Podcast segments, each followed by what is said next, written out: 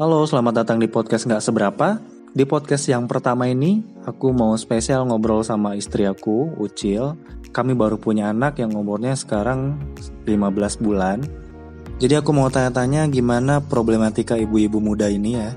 Ibu-ibu baru, ibu-ibu muda yang mungkin belum ada pengalaman, belum ada ilmu, ataupun mungkin ilmunya masih meraba-raba dari mulai newborn ngurus bayi waktu lahiran sampai anak uh, umur di atas 6 bulan yang sudah masuk ke fase empasi. Terus sudah agak besar juga mulai ditakutkan atau mungkin ditakuti dengan isu-isu stunting. Stunting itu merupakan hal yang berbahaya untuk pertumbuhan anak yang bisa berpengaruh kepada perkembangan uh, kecerdasan anak. Oke, semoga ada manfaatnya dan ada yang bisa diambil dari informasi ini ya. Halo Cil. Halo. Apa kabarnya Cil? Ya, seperti yang terlihat luar biasa. Nah, gimana uh, sekarang kesibukannya Ibu Cil nih? Ya, sibuk ngurus rumah, ngurus anak, ngurus suami. Itu aja? Iya kan ditanya nggak sibuk ngapain, cuma itu doang sibuk ya. Hmm, paling sibuk apa ya? Paling sibuk masak. Ngurus suami berarti? Ngurus rumah? Rumah sih, lebih ngurus rumah. Kalau anak suami nggak begitu ini ya? Nggak, nggak. Sebenarnya kalau anak sama suami itu yang penting diluangkan waktu aja, main bareng. Main sama suaminya? iya dong, maksudnya main bareng suami sama anak gitu. Sekarang mah udah ada anak di antara kita berdua gitu kan, jadi ya begitu. Oke, ini soal ngurus anak nih ya. Kalau Ucil sendiri sebenarnya prinsipnya sama anak gimana sih? Karena aku itu kan kayak kehidupan aku dulu waktu kecil gitu diberikan banyak kebebasan. Nah aku ngerasain enaknya gimana diberi kebebasan dengan dengan batasan gitu kan. Nah aku nanti ke, ke anak-anak tuh nanti maunya gitu juga diberi kebebasan. Tapi bedanya kalau dulu kan aku tuh tidak diberikan banyak pilihan jadi nggak tahu mau ngapain nggak tahu cita-citanya apa nggak tahu tujuan hidupnya ngapain nah nanti kalau bisa anak-anak kita itu dikasih berbagai macam pilihan jadi kita kasih kesempatan untuk mencoba banyak hal jadi bebas tapi uh, kita kasih kayak opsi-opsi lah ya. Iya benar-benar. Kita tetap ikut terlibat, cuma nanti balik lagi dia maunya uh, maunya kayak dia nyamannya di mana gitu. Oke okay, oke. Okay. Nah kalau misalnya dulu nih dari masa pertama lahir terus sampai sekarang umurnya udah 15 bulan sebagai ibu gimana sih yang kayak uh, poin-poin penting atau mungkin kayak metode-metode ngurus anaknya yang dijalankan gimana sih? Uh, karena ini anak pertama tentu banyak banget kayak aduh sayang banget ya kenapa kok nggak kayak gini gitu jadi masih banyak kata-kata kalimat-kalimat itu yang muncul gitu. Jadi memang benar kata orang kalau anak pertama itu tempat kita belajar. Tuh. Jadi masih banyak kurang-kurangnya juga ya? Tentu banyak, banyak. Kadang kita taunya belakangan kan. Nah, jadi kayak kalau bisa nih, ini karena akunya memang tipe kalau pemalas kayaknya kan.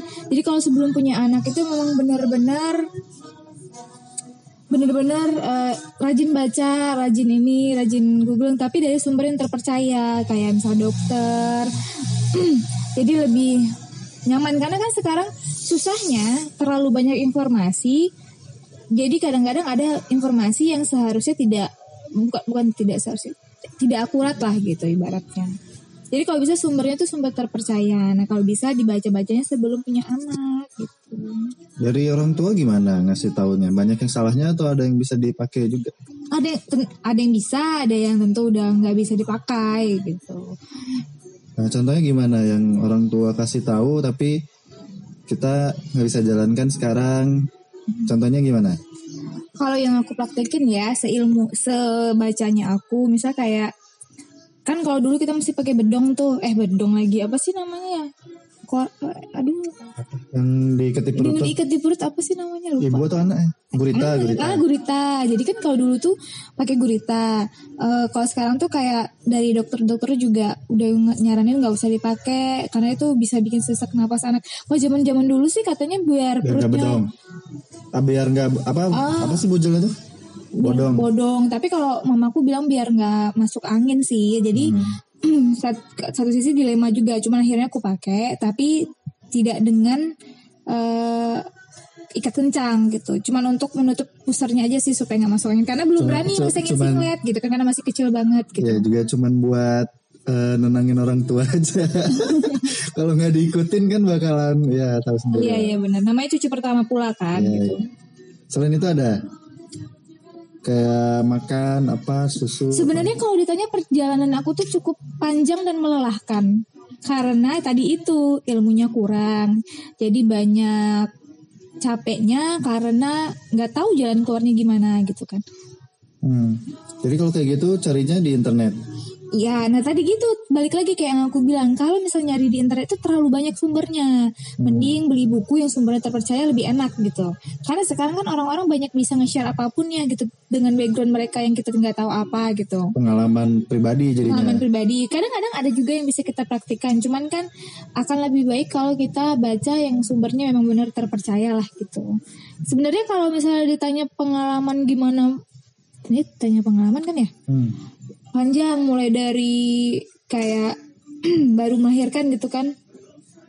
Kalau ditanya baby blues sih enggak kayaknya. Cuman memang ada masa di mana ketika udah suami kerja kan, terus aku berdua aja sama mamaku gitu. Cuman nggak sampai, paling cuma 30 40 harian lah mungkin.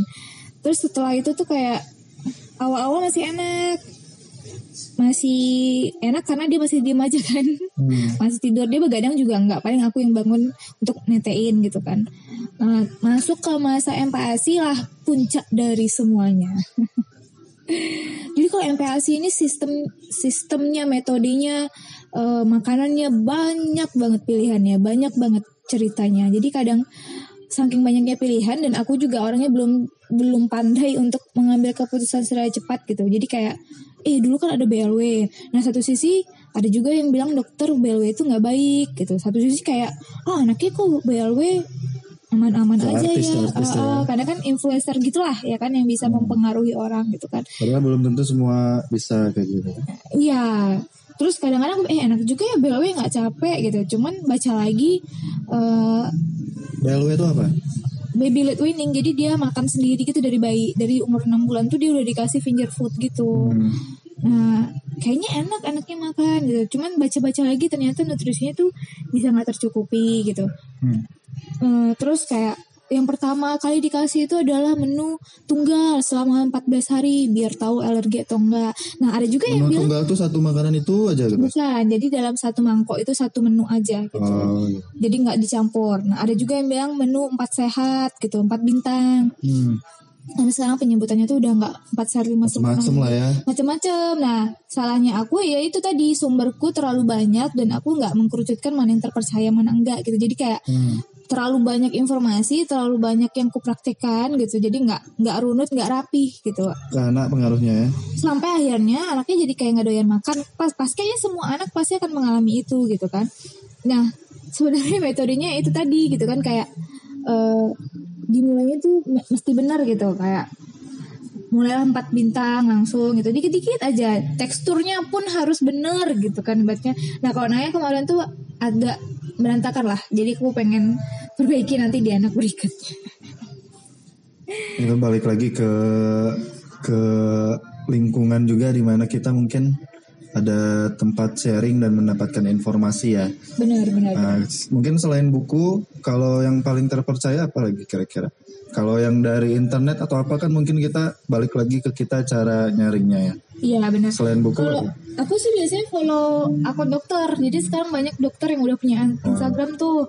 Bahasanya juga bahasa yang menggunakan bahasa yang gampang diperbaiki buka. Iya. Gampang dimengerti. Aku do- follow dokter Meta Hanindita. Nah karena karena dokter itulah akhirnya aku tuh kayak eh, se- kayak aware lagi sama si Kanaya ini gitu kayak eh, dipantau terus beratnya, makannya dikasih yang bener gitu. Oh iya satu lagi ketinggalan. Dulu itu aku tuh anti banget sama makanan instan. Padahal kalau misalnya anaknya susah makan, nggak apa dikasih makanan instan. Kalau kata dokter ya, jadi kayak eh, itu tuh menu di dalamnya itu udah untuk mencukupi kebutuhan yang dibutuhin si anak bayi gitu. Jadi instan yang orang dewasa sama instan yang bayi itu itu, itu kayak kayak idealisme ibu-ibu ya sebenarnya ya. karena kan Tapi menurut medis sebenarnya nggak ada salahnya. nggak ada maksudnya memang lebih baik home, homemade tapi kan kalau ketika kita tidak bisa memenuhi kebutuhan itu nggak masalah kita pakai yang eh, instan karena di luaran sana tuh kan instan kan kayak mie instan ya kan udah disebut nggak sehat gitu kan. Nah jadi kan makanan bayi yang instan ini kayak kena imbasnya kayak kayak nggak sehat gitu. Jadi setelah oh ternyata boleh ya makanan instan. Ya udah akhirnya cobain kasih. Dan anaknya mau dan alhamdulillah setelah ha, ada tiga bulan nggak naik berat badannya sabar ibunya ditambah makanannya divariasiin se- sesekali selingin sama instan berat badannya mulai naik lagi gitu Itu kayak kayak titik balik lah ya. ah iya benar-benar Sebenarnya kayak kayak balik kayak ibu-ibu yang memang terlalu banyak informasi jadi idealismenya tinggi juga gitu. Mungkin ya inspirasinya kayak ibu-ibu influencer yang emang benar-benar ini gitu ya kayak BLW jalan terus terus kayak yang makanan-makanan gizinya yang berserba-serba ini gitu ya jalan. Tapi padahal ketika diterapkan ke anak-anak, anak belum tentu suka gitu ya. Malah jatuhnya dia nggak mau makan, terus kayak ya udahlah, jadi asup asupannya kurang gitu ya. Iya kalau aku sih lebih tetap tetap aja kembali ke metode orang tua ngajarin anaknya. Gak ada yang salah sih dalam dunia peribuan, tapi kalau bisa tetap di koridor yang benar. Karena kan orang kayak dokter itu pasti sudah banyak membaca, banyak praktik, pasti banyak ilmunya gitu kan. Jadi kan ya kita yang nggak punya waktu untuk belajar eh, belajar dari dokter itu gitu ibaratnya. Sekarang nggak perlu ke rumah sakit lagi ya, tinggal follow Instagram tapi aja. tetap kalau bisa anak itu dibawa sebulan sekali ke dokter, dicek lingkar kepala, tinggi, sama berat badan. Kalau menurut aku sih gitu karena kan aku sempat beberapa lama nggak ke dokter nih gitu. Jadi sekalinya ketemu dokter tuh kayak dapat pencerahan, dapat teman ngobrol yang ada ilmunya tuh lebih enak gitu. Hmm. Yang ngobrol sama dokternya, akhirnya dikasih saran kayak temen kan gitu kan kasih saran gitu. Ya kalau selama ada budget ya nggak apa-apa ya ke dokter gitu. Kayak di Pekanbaru juga udah sering ya seminar-seminar gitu ya. Iya iya. Gizi terus kayak apa. ikut deh ikut enak sih dapat dapat ilmu benar-benar kadang membaca dan mendengarkan itu akan beda dah yang kita cerna gitu Nah kalau soal ini gimana kayak eh, stunting tuh kalau untuk eh, kita kan ya jatuhnya sih masih awam-awam juga ya kayak potensial stunting. Tapi padahal memang yang di nasional aja gitu di Indonesia stunting tuh banyak di Indonesia ya gede ya persentasenya ya. Makanya kayak yang gagal tumbuh kayak yang eh ya gagal perkembangan anak tuh memang isu isu besar sekali gitu untuk orang tua gitu. Kalau Ucil sendiri gimana?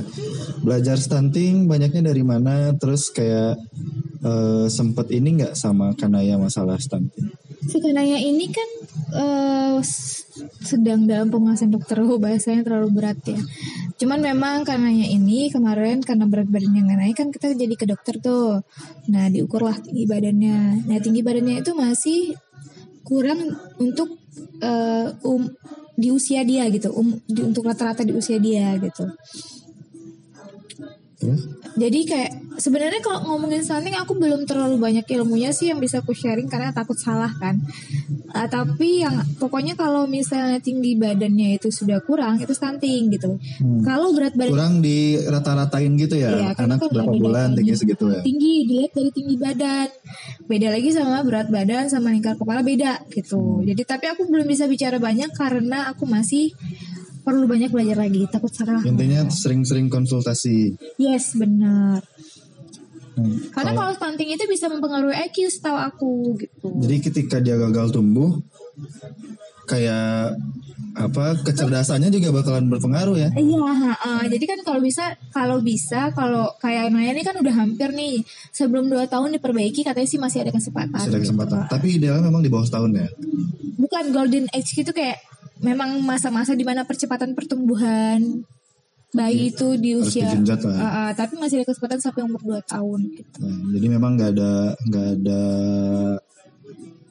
nggak ada alasan buat kita santai-santai gitu ya sama pertumbuhan Cuman anak. kadang jangan terlalu panik sih gitu dan jangan terlalu santai Jangan gitu. terlalu santai juga ya. lah gitu kan ibaratnya. Kalau panik salah juga ya. Iya. Oke, stunting nih kalau misalnya kayak kayak gitu kan jatuhnya memang eh, bisa dikatakan salah orang tua ya kan? Karena nggak mungkin salah anak gitu karena anak pilih-pilih makan ya kita yang harus pintar-pintar gimana cari solusinya gitu. Terus nah, terus kayak anak yang kurang ini kurang itu ya kita harus cari tahu lebih dalam ilmunya, tanya ke dokter, tanya gimana. Intinya ketika memang banyak kasus stunting di Indonesia berarti banyak orang tua yang belum diajarin. Bener nggak? Menurut kamu gimana kayak informasi stunting nih secara penyebaran informasinya ke ibu-ibu muda gitu? Sebenarnya sih udah banyak ya informasinya. Cuman kadang-kadang orang ah ya nggak apa-apa lah anakku anakku Ngerasa aktif ngerasa gitu. sehat-sehat aja gitu. Iya, kadang kadang-kadang anaknya aktif kok gitu ibaratnya nggak nggak kelihatan sakit gitu. Itu prinsip ibu-ibu lama-lama kali sih. Ketika dia nggak sakit berarti fine-fine aja gitu, kayak nggak demam, kayak nggak apa. Tapi memang secara berat badan kurang, santai aja gitu Tapi kan. kalau aku bilang kalau mau kalau yang aku baca pokoknya kalau pengen cari tahu tentang stunting itu follow aja dokter eh, IG Instagramnya dokter Meta Hanindita. Ya concernnya itu ya. Concern concern banget dan kayak bahasanya pun enak gitu kak. Buku-buku juga ada banyak ya. Ada sih dokternya kayak tapi aku cuma follow Instagramnya aja sih udah dapat banyak banget ilmu gitu kayak silent silent reader sih. Hmm. cuman banyak banget informasi yang dia yang dia kasih sampai akhirnya kebuka lah pikiran kita kalau oh iya ya karena ini kayaknya mesti dibawa deh ke si- ke dokter lah gitu konsultasi deh ke dokter sebelum terlambat mumpung masih 15 bulan walaupun eh, sempat nggak sempat kita kurang ya gitu deh udah ah ngomongin stuntingnya karena masih proses belajar jadi aku belum berani banyak Tapi ngomong. sempat deg-degan juga ya. oh jelas namanya anak Soalnya mungkin melihat orang lain update makan anaknya lancar, kencang gitu. Terus kayak pertumbuhannya ini kita kayak ngelihat kondisi anak yang susah makan, beratnya kurang ya deg-degan juga. iya Cuman ya poinnya ya harus banyak Itu tadi. konsultasi. jangan panik, jangan terlalu santai gitu. Nah kalau untuk ini nih udah fase setahun ke atas apalagi yang diurus sekarang nih selain makanan? Mungkin kayak anaknya udah pandai udah pandai belajar apa gitu kayak kayak niru-niru.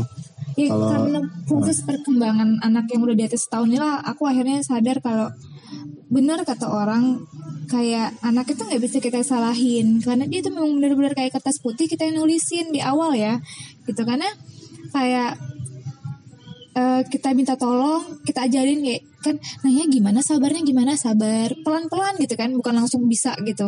Terus lama-lama dia ngingat gitu. Kayak benar-benar kita pengen anak kita mau tumbuh jadi pribadi yang seperti apa ya memang dia contohnya dari orang tua karena yang terdekat kayak gitu kan. Kalau misalnya mau minta tolong sayang dulu dong gitu sayang. Jadi nanti dia jadi kebiasaan kebiasaan kecil kayak gitu sih yang kita ajarin gitu. Bener ternyata kalau anak-anak kita memang benar-benar anaknya ih nakal ih gitu.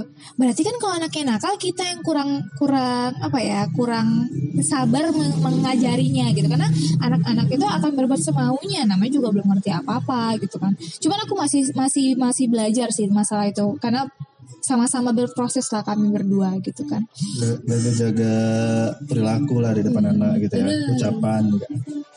Nah, itu tadi kalau karena anak-anak ini meniru gitu kan dan dia lihat apa yang menurut dia baik. Makanya kayak selagi dia masih kayak kecil gini aku pengen banget ngasih banyak kesempatan buat dia gitu. Banyak kesempatan dia untuk mencoba hal baru bertemu dengan orang-orang baru gitu. Karena itu nanti aku rasa sih bisa baik untuk perkembangan mental dan sosialnya dia nanti gitu. Nggak mesti belajar-belajar banget lah dulu. Cuman kayak eh anak 2 tahun di sekolahin tuh gimana sih? Aku mungkin secara sosial ya. Iya, aku nggak masalah gitu. Karena belajar anak-anak itu juga bukan yang berhitung langsung kok. Bermain dalam belajar seru-seruan gitu. interaksi Iya, anak-anak ini kan pasti butuh butuh juga lah. Waktu tuh nggak lama-lama juga paling sejam dua jam ya kayaknya gitu. Aku mah kalau ada rezeki pengen gitu sekolah untuk dia bertemu teman-temannya. Karena sebenarnya bisa aja main sama ibunya. Cuman aku sadar diri gitu, belum terlalu bisa jadi teman yang baik untuk anaknya. Padahal, padahal full time ibu ya di Iya. rumah ya, apalagi yang ibu-ibu bekerja gitu ya. Iya, jadi kayak sama Pasti nggak cukup lah Iya waktunya. sama aku tuh main. Cuman kan kayaknya dia juga perlu lah bertemu sama teman-teman seumuran teman-teman yang lain. Main yang benar-benar eduka- edukatif gitu. Kadang-kadang aku juga belum terlalu terlatih untuk cari-cari mainan apa yang bagus ya untuk anak. Sesekali ada cuman aku ngerasa hmm kalau bisa ada kesempatan dia untuk ketemu orang banyak belajar yang dipersiapkan gitu kan ya nggak masalah sih kalau menurut aku Yang penting jangan sibuk sama gadget aja lah ya. susah sih sebenarnya Susah. masih susah tapi selalu berusaha untuk mengurangi Ya kalau Naya sendiri handphone nggak ada kan? Cuman Iya. memang dia di TV ya buat makan gitu. itu karena memang beratnya lagi ngejar banget jadi kayak setelah setahun itu kan udah udah nyerah Kompromi kita jadinya. ya. iya ya udah apa-apa gitu oh eh, ya manusia mah nggak bisa sebentar sebentar banget ya Ya. Oke. Nah kalau misalnya kayak tantangan yang paling ditakutin sama Ucil apa sih kalau beranjak dewasa sama kayak eh ini kayak pertumbuhannya sebenarnya apa planning sama kira-kira tantangannya yang harus diselesaikan apa? Am, aku belum terlalu mikir jauh banget sih gitu kayak menikmati aja masa-masa sekarang dulu gitu cuma Seru-serunya ya. Iya, cuman memang kayak nanti kalau nih ya udah mau sekolah. Kita kan belum belum ngomongin juga kan mau dia sekolah cepet atau enggak. Sekolah jangan sekolah sih biar mau bermain atau enggak gitu kan nanti teman-teman Kelompok bermain. Mm, kelompok ber, ikut kelompok bermain. Karena masih satu setengah bulan eh 15 bulan. Jadi kayak dua tahun tuh udah sama keluarga aja dulu cuman sering-sering diajak lihat dunia luar gitu. Ya pak? Nah kalau misalnya masalah parenting tentu balik lagi ke orang tuanya karena memang sangat-sangat subjektif. Kadang yang memang itu lagi kayak ku bilang tadi ada idealis-idealisme yang mungkin kita udah cari tahu wah kayaknya keren nih. Nggak usah ini mungkin kayak pengen kayak Andin gitu ya kayak si Andin tuh kan BLW kan Kawa tuh kan kayak eh, wah gila keren gitu yang kayak anaknya makan sendiri gitu kayak duduk diam antang gitu. Padahal kan ekspektasinya gitu. Ketika realita dijalankan ya kalau dikasih kayak gitu ya makanannya dilempar-lempar nggak ada yang masuk dikit pun gitu ke perut kan ketika kita coba kemarin kan. Jadi ya balik lagi kita fokusnya ke anak yang memang kira-kira apa yang paling pas gitu. Dibarengin sama riset atau konsultasi yang sekiranya eh, ketika jalan ini nggak bisa kita harus cari jalan yang lain. Kayak tadi yang mungkin makanan instan tuh lumayan ngebantu yang kira-kira ibu-ibu sibuk atau yang mungkin ketika kalau kasusnya Ucil sendiri kan ketika setiap hari harus masak menu-menu itu mungkin bakalan ini ya Ci ya kayak eh, menguras pikiran juga ya. Hmm, karena basicnya aku nggak terbiasa masak pun Hmm. jadi kayak udah nggak terbiasa masak ketika bisa sih masak cuman bukan hobinya kayaknya jadi kayak Hmm. ada rasa aduh masak nih gitu jadi masak terus anaknya nggak mau makan jadi kayak aduh Yes. kecewa gitu Jadi- kan jadi kayak anak nggak mau makan, mamanya stres, oh udah selesai gitu ya udah. Makanya kayak kayak jangan anti yang sama hal-hal yang sekira dianggap tabu, tapi yang penting kita ikutin aja yang apa kata mau dokter aja gitu ya. Oh ya kita ternyata kita coba ketika instan lumayan ngebantu kenaikan berat badan ya, tapi kita sufor belum ya. enggak tetap nggak Ah, kita support belum padahal dokter udah sarankan. Tapi ketika Naya makannya udah lumayan agak bagus, berat berat badannya naik, ya udah nggak usah dibantu support lagi kalau makannya lancar. Nah, itu akhirnya itu tetap pakai opini lain gitu opini Kayak, lain. ah, Maksudnya kayak di susu tambahnya kita kasih UHT gitu ya. kayak dokter yang pertama kan nyaranin kalau misalnya berat Oh iya, badan beda belum- dokter juga. belum naik pakai sufor. Cuman kan aku aku memang nggak pengen ngasih sufor aja sih. Itu kan balik lagi dunia dunia ibu dan anak itu menyesuaikan sama kebutuhan dan kemauan anak-anak tapi tetap di jalurnya gitu kan ibaratnya nggak pengen sufor karena repot juga sih nanti gitu Ya, intinya yang bikin nyaman ibu sama anak sih, bukan Iya. anak aja bener sih. Kayak kayak aduh sebagai bapak ya mungkin kayak ngelihat istrinya bete, terus anaknya mungkin kayak agak susah gitu untuk makannya ya bakalan di rumah tuh bakalan gak enak kali lah gitu. Gak enak banget situasinya. Jadi kita sebagai suami ya mengarahkan mana yang tercocok untuk istri dan anak kita gitu ya. Bener nggak?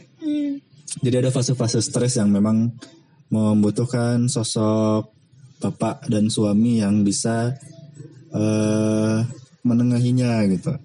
Mungkin ketika fase-fase pertama makan itu bakalan banyak perdebatan juga. Tapi ya intinya dijalaninya dengan dengan happy juga ya.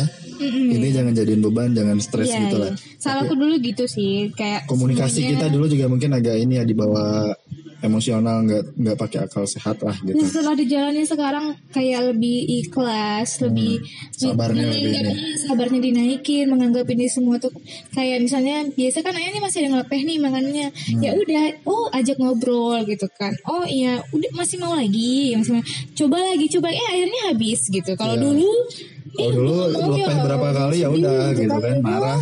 Marahnya ke diri sendiri ya aku belum aku nggak pernah marah ke anak karena aku masih tahu anak itu nggak nggak tahu apa-apa untuk dimarahin gitu Emosi, ya. emosi ke diri sendiri gitu aduh aku nggak bisa aku ngasih anak makan gitu kan Kenapa sih makanan aku nggak enak? ya? Oh Gitu iya, kan. jadi banyak nyalahin diri sendiri. Nah sekarang tuh kayak lebih enjoy sih. Aku pun berani ngomong Itu kayak gitu sekarang. Kayak sudah sangat-sangat menikmati parenting life gitu. Itu luar biasa ya. Iya. Nah, Pokoknya mungkin bakalan banyak tantangan-tantangan berikutnya tapi ya Dinikmatin saja. dinikmati. Dan kita tetap eh, cari tahu, cari ilmu, terus konsultasi juga karena memang eh, kita pengennya yang terbaik buat anak juga. Yang pastinya eh, bukan ini ya, bukan kayak eh, orang tua Instagram, orang tua Google gitu ya. Memang kita telan mentah-mentah ya info dari internet gitu ya. Hmm. Oke. Em, gitu mungkin ya. Udah hampir setengah jam juga obrolannya. Untuk tema kali ini mungkin parenting dan tentang ini ya soal sedikit banyaknya ada sharing soal gizi anak juga makan anak juga yang udah ucil jalanin. Tapi balik lagi semuanya kalau untuk ini yang penting kuncinya dia orang tuanya lebih sabar, lebih cari, banyak cari tahu, lebih banyak konsultasi. Ya pastilah buat anaknya nanti akan ada hasil yang positif. Oke, Em, tema berikutnya ditunggu aja updateannya Traveling, traveling. traveling. Soalnya eh, pengennya upload rutin podcast-podcast kayak gini ngomongin tentang hal-hal sederhana ya mungkin sama teman-teman yang punya hubungan dengan tema-temanya itu gitu. Dan mungkin spesifiknya tentang Pekanbaru kali ya, gitu. Pekanbaru dan Riau lah gitu. Di sini kayak konsultasinya ke mana mungkin kayak hal-hal yang lebih relatable ya gitu ya. Oke, ditunggu updatean berikutnya ya dari podcast awak yang seberapa nih. Oke, bye.